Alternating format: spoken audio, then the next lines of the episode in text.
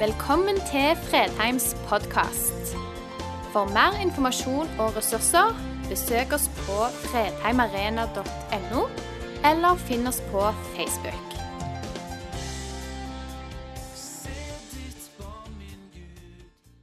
Teksten i dag er egentlig et sitat. Så Derfor skal vi begynne med noe som hører førjulstiden og julen til. Det er Kahoot eller quiz. Så fant jeg ut det at Kahoot i dag det ville bli litt problematisk, men det blir en quiz.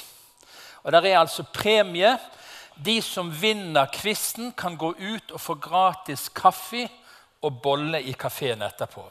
Og når jeg spurte de i kafeen sørger du for at det ikke er for mange som vinner, så sa jeg det vet jeg ikke. Hvis her er jo utrolig mye intelligente mennesker til stede, så det kan jo hende at alle klarer alle spørsmålene. Er dere klar? Dere må reise dere. Og nå satser jeg på ærlighet. Er det greit? Jeg kan jo ikke kontrollere nå alle om dere vet svaret. Det kommer tre navn, og så kommer det et utsagn. Så skal dere da si hvem altså, hvem var det som sa dette.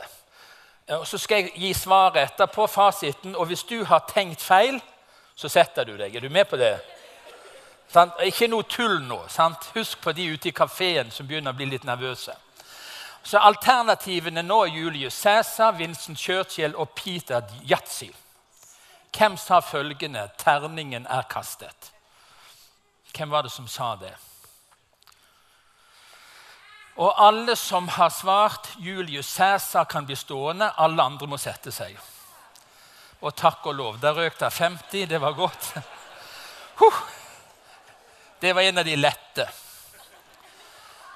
Neville Chamberlain, Vincent Churchill eller general Petten. Hvem sa 'fred i vår tid'? Hvem er kjent for det uttrykket? Og alle som svarte General Petten, Vincent Churchill må sette seg. Det var Neville Chamberlain. Nei, nå gikk det for fort her. Hæ? Ja, blir, her blir det kaffe til alle. Askeladden, Arkimedes eller Paulus? Her er det litt mer krevende. Hvem sa 'jeg har funnet det'? Jeg har funnet det. Og alle som svarte Arkimedes kan bli stående. Eureka, jeg har funnet det. Durek Verrets, Walt Disney eller biskop Stålsett? Hvorfor ler dere av det? Ok, Hvem sa 'kan du drømme det, kan du gjøre det'? Det var altså Walt Disney. De som tenkte på Durek der, kan bare sette seg.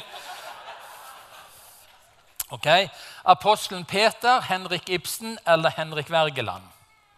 Hvem sa følgende 'Evig eies kunde tapte'? Hvem var det som sa det? Det var ikke Peter, ikke Wergeland, men det var Henrik Ibsen. Ok? En, to, ja, men se her, der er noen standhaftig her. Hvem sa da altså Nå er det De Lillos, Jahn Teigen eller Henning Kvitnes.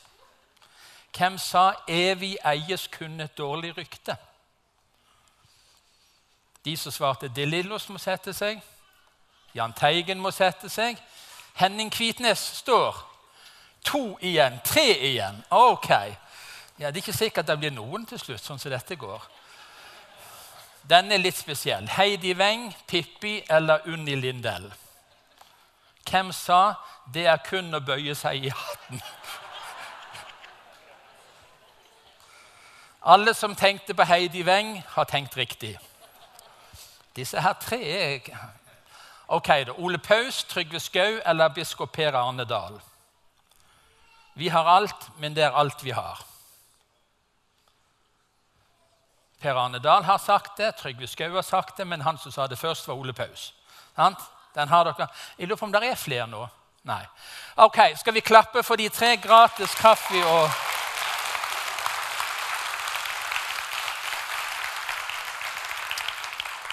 Uff, jeg ble litt letta at det var tre stykker, men dere var gode. altså. Nå kan vi jo ikke teste det. Sant? Bekjennelsene kan komme etterpå hvis dere nå har vet dere var litt på tynn is. Det sitatet som har surra i hodet mitt noen dager, det er dette. Jeg vet ikke hvem som har sagt det, og derfor tar ikke vi det med i quizen. Salig er den som ingen forventning har. Han skal ikke bli skuffet. Den er djup. Den er litt deprimerende, litt trist. Altså det å skjerme seg for forventningen i frykt for å bli skuffa. Det å lukke seg til for å ikke utsette seg for noe, det er det mange som gjør.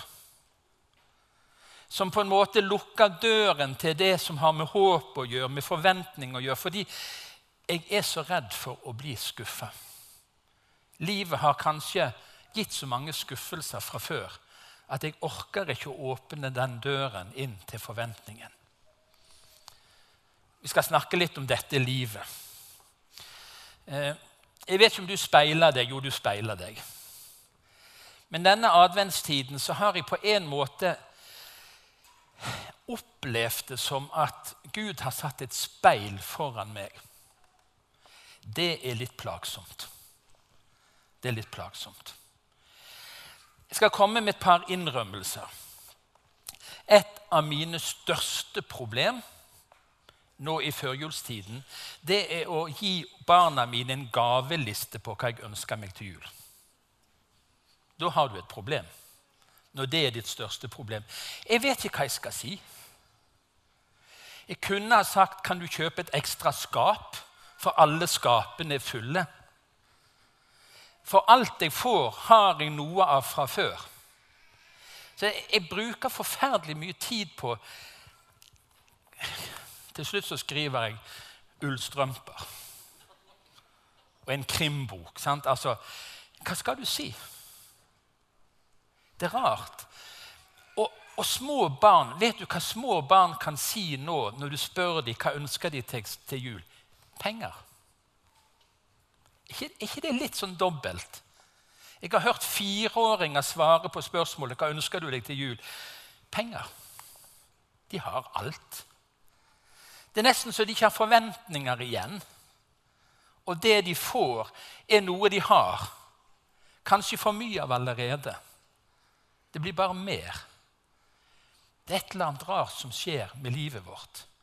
Når vi, når vi lever i et samfunn hvor vi har så uendelig mye av alt. Det er vanskelig å løfte forventningene.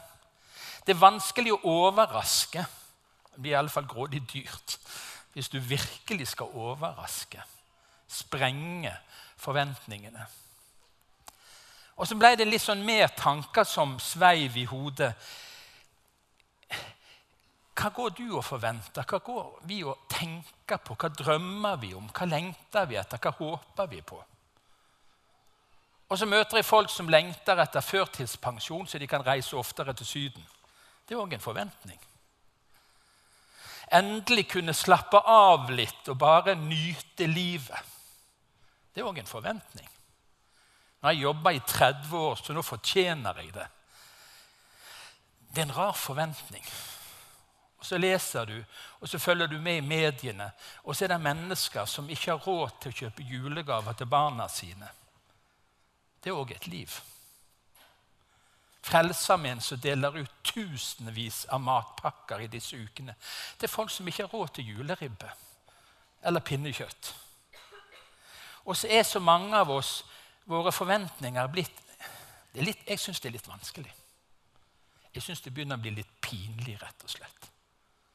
Det er nesten så jeg må begynne å leite etter sånne gaver, sånne ideelle geiter og sånne ting. Sant? Altså, Kjøp en geit. Og så blir det jo liksom litt rart. For du gir jo liksom hele året igjennom. Men, men det skjer et eller annet. Her på Fredheim har vi sitert dette nå i et års tid. At livet ikke får pingler. Dette livet er ganske utfordrende, det er ganske krevende. Per Arne Dahl han er jo en klok mann. Eh, han har i en av bøkene sine, han skriver mye om forventning i bøkene sine, men i en av bøkene sine så skriver han om virkeligheten kontra forventningen. Og så sier han det i den boken at mellomrommet mellom virkelighet, opplevd liv og forventning, det er skuffelse. Det, det er ganske godt sagt. Mellomrommet mellom det livet du lever, og det du drømmer om, det du forventer Mellomrommet der, det er skuffelse. Og så sier han det at kanskje må vi senke forventningene på noen områder av livet. Det var ikke sånn at hun du ble forelska i, oppfylte alle dine drømmer og alle dine behov. Det ble ikke sånn. Det ble ikke sånn at den nye jobben, det nye huset, den nye bilen gjorde at livet ble så mye bedre som du trodde og håpte på. Kanskje må vi senke forventningene for at ikke det skal bli så mye skuffelse. Og tenk at vi kan gå rundt og være skuffa. Det er jo rart, vi som har det så tilsynelatende godt. For noen år siden så leste jeg en undersøkelse som ble en vekker for meg. Og nå er det noen ungdommer her. Nå skal dere, skal dere reise dere. Nei, dere skal slippe. Men jeg håpte det kom noen ungdommer. Jeg leste om at ungdomsgenerasjonen i vårt velstandssamfunn mer og mer så på framtiden uten håp.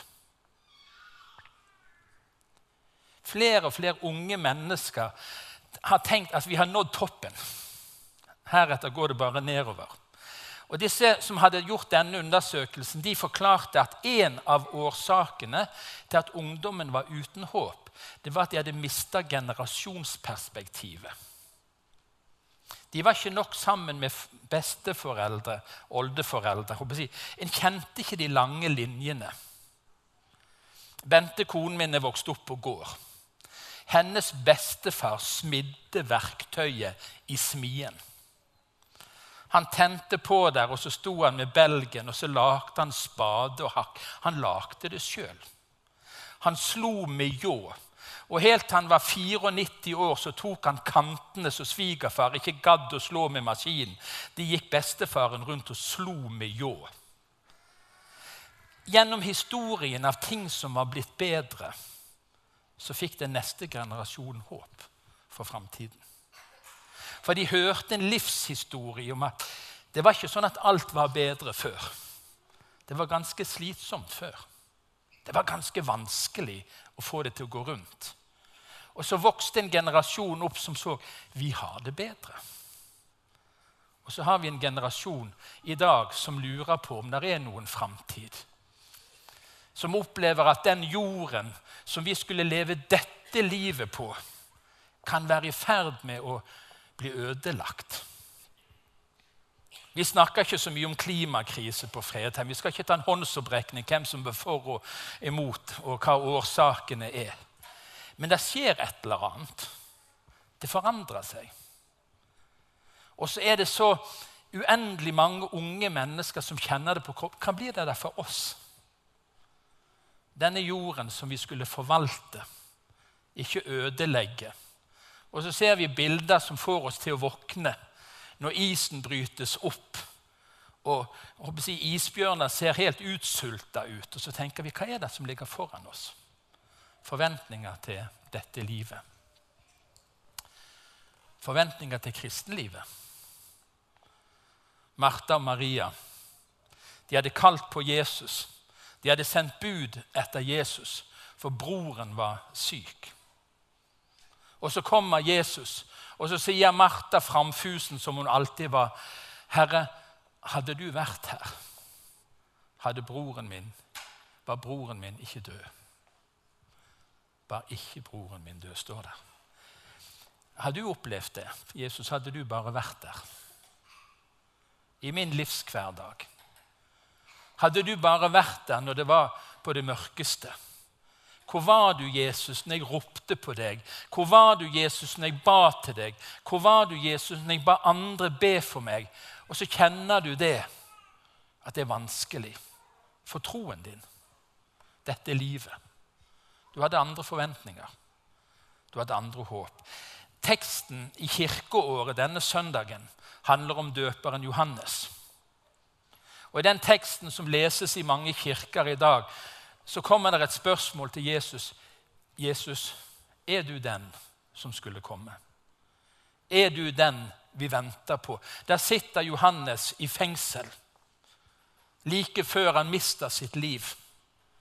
Og så sender han spørsmål gjennom disiplene sine ut til Jesus. Jesus, er du den Messias som har lovt? Er du den vi skulle vente på? Kjenner du sårheten i det? Jesus, er du den? Har du et sånt spørsmål i deg? Har noen av dine forventninger til Gud og hans inngrep i ditt liv ført til skuffelse? For forventningene var så høye. Og så ble virkeligheten annerledes. Jesus, hadde bare du vært her. Og så har han sagt noe. At 'jeg er med dere alle dager'. Midt inn i det vi ikke forstår, midt inn i det vi ikke får til å gå i hop, det som ikke går opp for oss, så er det et løfte om at han er med absolutt alle dager. Du har hatt dager som har vært vanskelige. Jeg har hatt, hatt dager hvor jeg lurer på hvor er du, Gud? Og så har jeg så mange ganger gjennom livet, så nå begynner det å bli ganske langt, fått sett tilbake at sannelig var han der. Sannelig var han der. Martha og Maria fikk oppleve underet, at Lasarus ble vekt opp fra de døde. Johannes fikk høre noe om at blinde ser og lamme går. og Evangeliet forkynnes for fattige, men han mista livet sitt.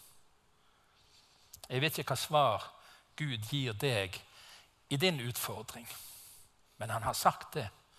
Jeg er med deg dette livet, absolutt alle dager.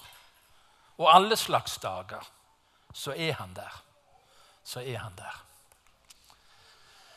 Og så skriver Paulus til korinterne i kapittel 15. Hvis vårt håp til Kristus gjelder bare for dette livet, så er vi de ynkeligste av alle mennesker. Det er et eller annet med å løfte blikket at jo, dette livet har sannelig sine utfordringer. Dette livet er ofte en kollisjon mellom forventninger og virkelighet. Opplevelsene stemmer ikke alltid. Følelsene stemmer ikke alltid med det vi trodde og håpte. Men så kommer Paulus og sier han, der er mer enn dette livet. Der er noen forventninger som går langt ut over dette livet. Og har ditt håp til Kristus bare vært å få hjelp her og nå, så har du bomma litt. Da mangler du en ekstra dimensjon. Kanskje den aller viktigste. Og det er ikke så lett for oss, for vi lever nå. Vi vil ha det nå. Bibelen taler om en ny himmel og en ny jord, og vi er i adventstiden. Og så er det mange som lurer på hva skjer i de siste tider. Og Nå skal jeg bare annonsere det, at i en bibeltime i februar skal vi snakke om Jesu gjenkomst og de siste tider på Fredheim. For det har mange medlemmer skrevet mail til pastoren om at det temaet vil de ha belyst. Så Da skal vi ha en dobbelttime. Da skal vi gå litt mer i detalj. Men det vi ofte glemmer, det er at Bibelen har sånn, et helt annet innsteg om det evige livet. Det handler ikke om tider og tidspunkt primært. Det handler ikke om begivenheter i sol og måne og i kulturliv. Det handler først og fremst at dette er det evige liv. At de kjenner deg. Den eneste sanne Gud og ham du har sendt, Jesus Kristus. Det evige livet handler mer om en person enn om begivenheter. Det handler mer om en relasjon enn spektakulære, spennende, dramatiske ting. Det handler om et forhold. Det evige livet. Det handler om å kjenne. Det handler om å ha en relasjon til. Det handler om å ha et forhold til Jesus. Det er egentlig essensen av det evige livet. Selv om det er mange spennende ting Bibelen beskriver.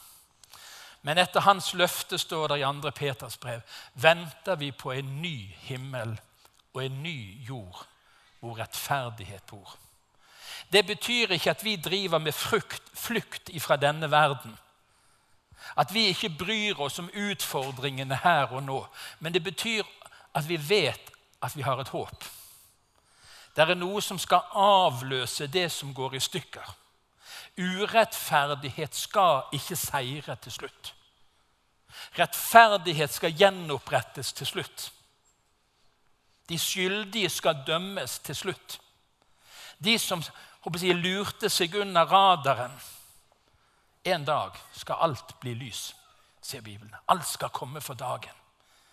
Det skal bli rettferdighet, for rettferdigheten skal seire til slutt. Og Det kommer en ny himmel. Det kommer en ny jord, hvor alt det som er i ferd med å ødelegge, skal være borte.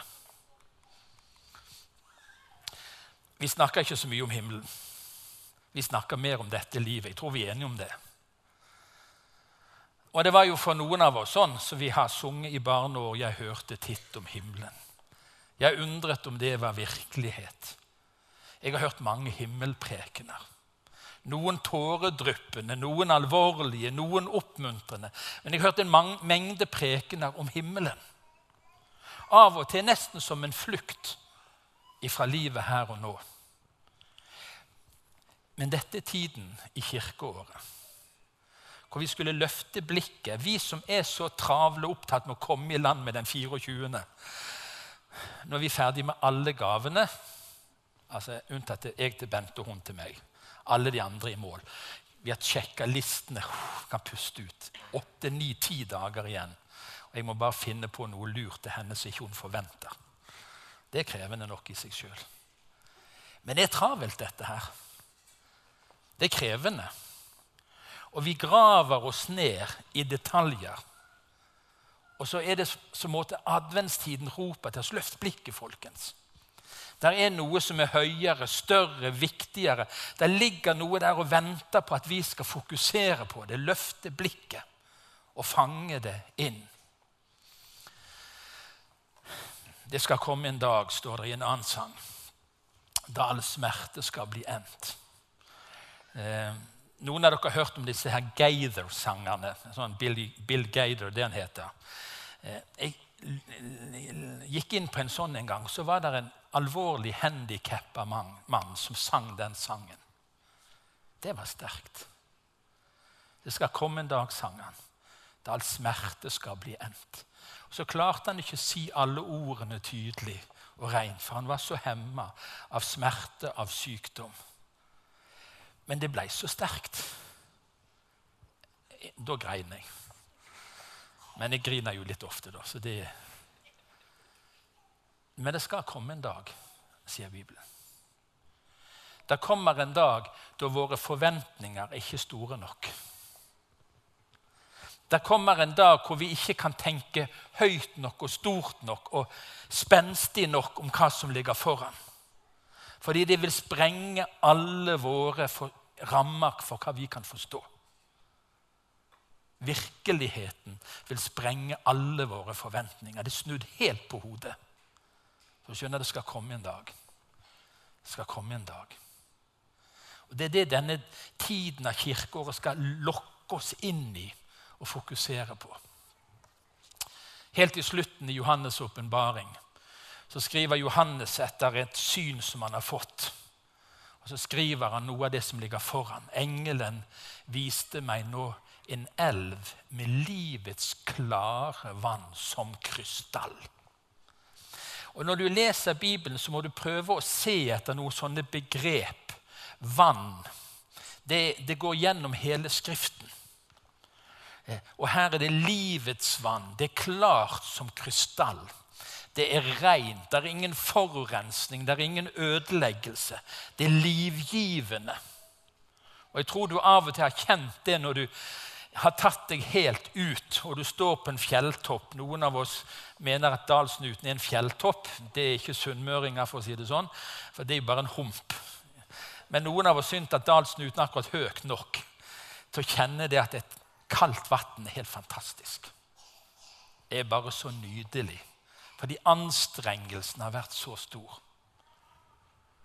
Den springer ut fra Guds og lammets trone. Midt mellom byens gate og elven står livets tre, fritt til begge sider. Når Bibelen beskriver det ubeskrivelige, så bruker den bilder vi kjenner igjen. Det handler om vann, det handler om natur, det handler om livets tre. Det treet som bærer en frukt som er helt annerledes. Det bærer frukt tolv ganger og gir sin frukt hver måned. Og bladene på treet er til legedom for folkene. Skal ikke lenger finnes noen forbannelse. Guds og lammets trone skal være i byen. Det skal ikke være noen som ødelegger for andre. Det skal ikke være noen som river ned. Det skal ikke være noen som baktaler. Det skal ikke være noen som forbanner. Det skal ikke være noe som skaper skyld og skam lenger. Det er slutt. Skjønner, Det skal komme en dag. Skal komme en dag. Og hans tjenere skal tjene ham. De skal se hans ansikt, og de skal ha hans navn på sin panne. Natten skal ikke være mer, og de skal ikke ha bruk for lys av lampe eller sol. Natten er krevende for mange. Mørket er skremmende for mange. Det er mange som knapt ønsker å sovne inn av frykt for mørket. Det er mange som har lyset på. Jeg har en del barnebarn, og denne helgen har fire av de vært på overnatting sånn innimellom forskjellige netter. Hvem har lyset på? Nå har de fått sånne forunderlige små dyr på batteri som gir akkurat nok lys. Hvorfor det? For mørket er litt, litt krevende. Spesielt på et nytt sted. Utrygge omgivelser. ser mørket utfordrende. Vet du, natten skal ikke være mer. Natten skal ikke være mer. Og de skal ikke ha bruk for lys av lampe eller sol. For Herren Gud skal lyse over dem og de skal herske som konger i all evighet. Vi venter på kongenes konge. Vi venter på han som skal gjenopprette, han som heter kongenes konge og herrenes herre. Og vi skal regjere med han, står der, i all evighet. Spennende. Vi skal altså ikke bare synge, vi skal regjere. Så de som ikke er så glad i sang som meg er, kan puste løtta ut. Vi skal gjøre mer. Men det er en tid hvor lenger, det er ikke lenger noen undertrykkelse. Mennesket er det som Gud hadde skapt det til å være. De som skal være sammen med Han. Og Det er ikke rart at Paulus skriver til menigheten i Tessaloniki trøst og sett mot i hverandre med disse ordene. Jeg vet ikke om jeg har makta det, men jeg har bedt Gud om å tale til deg denne søndagen. Du som kjenner at forventningene ikke ble oppnådd. Du som opplevde at skuffelsene mellom virkelighet og forventning har blitt for store. Du som har opplevd som Martha at Jesus ikke dukket opp i tide. Du som kjenner at livet er krevende. Skal komme en dag. Det skal komme en dag. Trenger vi himmel over livet, folkens? Ja, vi gjør det midt i vår velstand, midt i alt det vi har, i vår overflod, så trenger vi å få himmel over livet. Og jeg tror at mer himmel over livet vil gjøre noe med livene våre her nede. Hva vi prioriterer. Hva vi er opptatt av. For vi er så basta og bundet til dette livet. Det er så tungt å løfte beina. Men der ligger en trøstfolk i disse ordene. I denne sammenhengen så, så sier Paulus til menigheten vi skal ikke sørge som de andre som er uten håp. Og når vi mister noen av våre, når noen forlater livet før det var naturlig i våre øyne, når noe går i stykker, så sier Bibelen vi skal ikke sørge som de andre som er uten håp. For vi har et håp, og vi skal få lov å trøste hverandre. Vi har forventninger til det som ligger foran. Det skal komme en dag, folkens. Det skal komme en dag. Og Hvis noen har lyst til å vite nå hva jeg tenker om Jesu gjenkomst, så kan jeg si det i alle fall nærmere nå enn før. Er det greit nok? Vi tar det i dag. Skal dere få vite mer i februar. Men det er nærmere enn det var. For Paulus han sa det er vi som lever og blir tilbake. Så han, han, han venta til han kom da. Vi lever. Og en dag så kommer han. Og det er trøst i det budskapet, folk. Du kan få løfte blikket. Måtte adventstiden og de siste dagene hjelpe deg til å senke stresskuldre og løfte blikket. Og feste det på håpet som ligger foran. Skal vi be om det? Jesus, vi takker deg for at du er lys. Du er håp. Du skal en dag sprenge alle våre forventninger. Mer enn det vi kan drømme om, mer enn det vi kan fantasere om, skal en dag virkeligheten sprenge alle våre forventninger. Og Herre, nå ber jeg at den dagen skal alle vi som er på Fredheim denne søndagen, toge inn i flokk og følge inn foran lammets trone. Fordi vi har lært en ny sang om deg, Jesus. Vi har tatt imot deg. Og Herre, så er det noen som kjenner at dette livet her og nå er litt for krevende. Det er litt for utfordrende. Nå ber jeg Herre at de skal finne trøst i at de kjenner deg, og de har del i det evige livet fordi de kjenner deg. Og at det som ligger foran, det er en himmel. Hvor alt det som bryter ned, er ødelagt, og hvor rettferdighet skal gjenopprettes. Amen. Takk for at du valgte å høre på. Nye opptak legges ut hver uke. Vi har gudstjenester hver helg, og du er hjertelig velkommen.